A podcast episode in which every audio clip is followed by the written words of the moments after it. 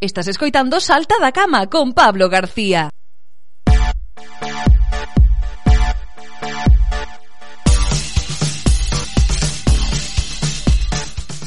Neste 17 de xuño celébrase o Día mm, da Loita contra a Desertificación e a Sequía. Algo que aquí damos un pouco... pasamos un pouco por alto Non nos damos conta realmente do perigo no que estamos E por eso quería contar hoxe con un experto na materia Como é Jaime Martínez Valderrama, doutor ingeniero agrónomo Especialista en desertificación e cambio global Actualmente investigador por doctoral no Instituto Multidisciplinar de, do Estudo do Medio na Universidade de Alicante ten escritos varios libros como Aquí Bahía ten tamén Altitud en Vena e Días de Nada e Rosas. Colabora habitualmente en diferentes medios como Radio Nacional. E hoxe pois ten a deferencia de atendernos a nós uns minutiños facernos un oco na súa apretada axenda para abrirnos un pouco os ollos. Moi bo día señor Martínez. Hola, moi buenos días. Muchas gracias por vuestra invitación y por vuestro interés en el tema. Bueno, eh, que realmente eh, a xente non se dá conta do perigo que existe actualmente en España de desertificación. O 75% do territorio español está en perigo de desertificación e nós tan alegremente, non? Bueno, estas cifras siempre hay que matizarlas porque, uh -huh. eh, de, de, de, hecho, siempre ha habido muchos problemas con el concepto de desertificación desde que nació en los años, desde el punto de vista científico, ¿no? Empezó a madurarse el concepto en los años 60, 70 Eh, nació en, en, África en un problema de una gran sequía que hubo en el Sahel, eh, cerca del Sáhara, por lo tanto, y entonces siempre estaba, ha habido confusiones entre lo que es desertificación, desiertos, y lo que es las zonas potencialmente desertificables. ¿no? Entonces, la, la, la, definición en la que se ha llegado a la última, que es del año 95, la que tiene actualmente vigor, que tiene mayor consenso, que es de Naciones Unidas, dice que la desertificación es la degradación eh, que hay en las zonas subhúmedas secas eh, semiáridas y áridas. Es decir, en estas zonas potencialmente puede haber problemas de desertificación. Y entonces esa es, la cifra que ha dado usted. Ese 70-75%, que varía según los estudios, uh -huh. eh, es lo potencialmente desertificable. O sea, no es que esté en riesgo, sino que ahí puede desarrollarse el problema. Uh -huh. Y de ahí, pues, por completarle un poco la... ya le, le, respondo a la pregunta que yo creo que me va a hacer, pues de ahí el, realmente está desertificado el 20% del territorio, está ya desertificado, y hay un 1% aproximadamente que está degradándose activamente. Quizás esa cifra sea un pouco máis alta. ás veces somos algo irresponsables porque por exemplo, nos aquí en Galicia co cambio climático estamos notando, bueno, hai nas redes sociais sempre o hashtag California, non? E notamos como ven máis turismo e parece que eso a priori nos beneficia, pero en que se pode que prexuizos pode traer ese, ese cambio climático, ese aumento de calor que a priori parece beneficioso? Bueno, eh, el cambio climático y sobre todo lo, lo que está ocurriendo y, y, muy muy especialmente en el entorno del Mediterráneo, ¿no? el, el, juego de borrascas o de, no es que de borrascas, el, el juego de, de, de cambios de energéticos que, que, tiene lugar debido a este cambio climático afecta especialmente al ámbito mediterráneo, ¿no? donde mm. el efecto va a ser más potente.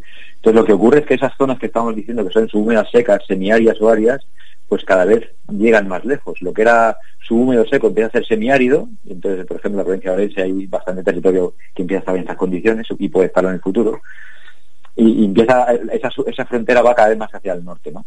Entonces, ¿qué puede traer? Pues evidentemente, primero que sea ya potencialmente más, eh, más fácil que ocurran ahí esos fenómenos de certificación, porque el, el medio está más al límite, ¿no? Eh, hay menos agua y por lo tanto, si la actividad económica sigue teniendo, sigue siendo intensa, tanto el turismo como la agricultura, pues ese balance entre regeneración de los recursos naturales y extracción tiende a ser negativo, ¿no? Entonces, ahí es donde empiezan a aflorar los problemas de desertificación. Por tanto, claro, esto siempre el balance que hay con los trade-offs, ¿no? Entre creación de riqueza y, deterioro del medio, ¿no? que es lo, complicado de compatibilizar.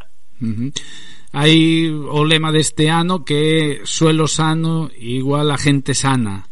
Temos un suelo sano. Bueno, en muchas zonas no es así, porque por eso mismo, ¿no? Eh, la desertificación, sobre todo en España, bueno, en general en todo el mundo, pero especialmente en España, está asociada a, a, sistemas agrarios, ¿no? Donde hay agricultura es donde puede haber desertificación, porque esta actividad es la que más territorio ocupa, ¿no? Entonces, hacer bien las actividades agrarias es esencial. Mm, ¿Qué pasa con el suelo? Pues que el suelo, para que produzca más, se eliminan lo que se denominan las, las malas hierbas, que en realidad no son tan malas, pero compiten por el agua con los cultivos. Eso deja el suelo expuesto a, las lluvias torrenciales que cada vez son más frecuentes por, precisamente por el cambio climático. Echamos pesticidas que matan a los animales eh, o microorganismos que viven en el suelo. El, suelo en realidad es un pool de muchas cosas, no es solo arena, limo y arcilla, ¿no? sino que es un conglomerado de, muchas más cosas. Eh, entonces, hacemos todo eso con el fin de producir más eh, hacer ciclos de producción más cortos, más cosechas en un año, y todo eso lo que hace es deteriorar el suelo. Entonces ya no es una cuestión donde a veces se ha mezclado ¿no? de, estos intereses meramente conservacionistas de que haya un mejor suelo, una mejor naturaleza o más plantas. Es una cuestión productiva. ¿no? Si, si destrozamos la capacidad productiva del suelo, acabamos con la agricultura y por lo tanto con, podemos tener grandes problemas de abastecimiento de alimentos. Entonces esto es hay que cambiar hacia una agricultura mucho más conservadora en, ese, sentido. y, yo creo que es posible porque realmente estamos produciendo mucha más comida de la que, de la que estamos consumiendo, ¿no?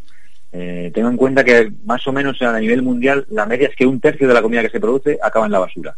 Solamente reduciendo eso, ese, desperdicio, no haría falta cultivar tanto. Entonces, eh, conservar el suelo, claro, es, esencial.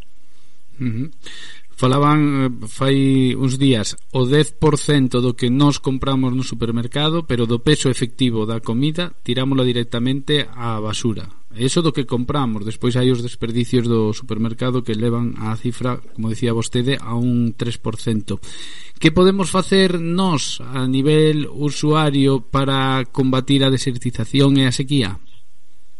Bueno, espera, que le voy a corregir otra cifra que no, no, es, no es un 3%, es un 33%, un tercio de lo, que, de lo que se produce acaba en la basura. Una parte importante es la que usted dice en los hogares o en los supermercados, pero incluso hay una parte que cada vez es más relevante que se tira en origen, es decir, se producen los alimentos y antes de que lleguen a la red comercial se tiran. Aquí, por ejemplo, en el sureste estamos viendo unos periodos de, de, enormes producciones de, por ejemplo, sandías y melones que van directamente a la basura. Bueno, igual no a la basura, se dejan en el campo y se lo come el ganado. ¿no? ¿Qué podemos, hacer, yendo a, su pregunta, ¿no? ¿qué podemos hacer como, consumidores? Porque al final no se trata de demonizar la agricultura, ¿no? La agricultura es parte de... O sea, los consumidores formamos parte de la agricultura que hay. Eh, los, consumidores demandamos productos lo más barato posibles, que estén todo el año y que además sean muy bonitos. Claro, eso también mete unas presiones en los circuitos comerciales y en los productores muy importantes, ¿no? Porque se tiran miles de toneladas, por ejemplo, de tomates porque no dan el perfil, porque no son bonitos. Entonces, como consumidores lo que deberíamos intentar es apoyar mm, el tipo de producción que sea más sostenible, pero claro, para eso al consumidor nos tiene que, llegar la información de saber quién está haciendo bien las cosas y quién está haciendo mal las cosas, ¿no? Eh, en ese sentido tampoco conviene demonizar determinados productos, ¿no? Como ahora está muy de moda desde hace unos años el decir que la carne es mala y que hay que consumir otra cosa. Pues depende de la carne, de cómo se produzca.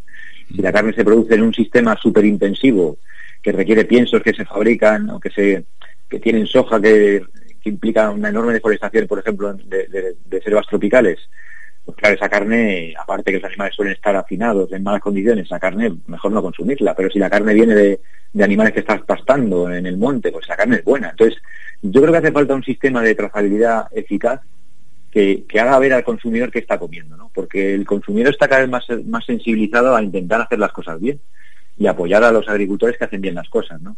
Entonces, por el lado, por ese lado de qué consumimos, creo que se pueden hacer muchas cosas y cambiar el, modelo productivo, que yo creo que es en, esencia lo que hace falta, no solo para combatir la desertificación, sino otros muchos problemas medioambientales. Casi todos tienen el mismo origen, ¿no? que, es, que es la producción de alimentos masivos.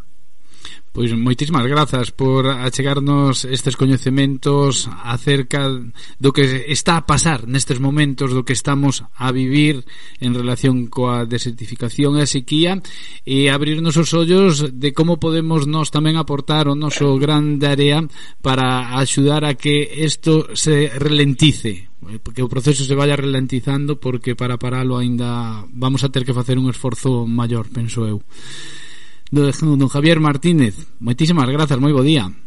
Bueno, muchas gracias a ustedes por, por el interés, les reitero, y nada, que vaya muy bien. Muchas gracias. Un saludo.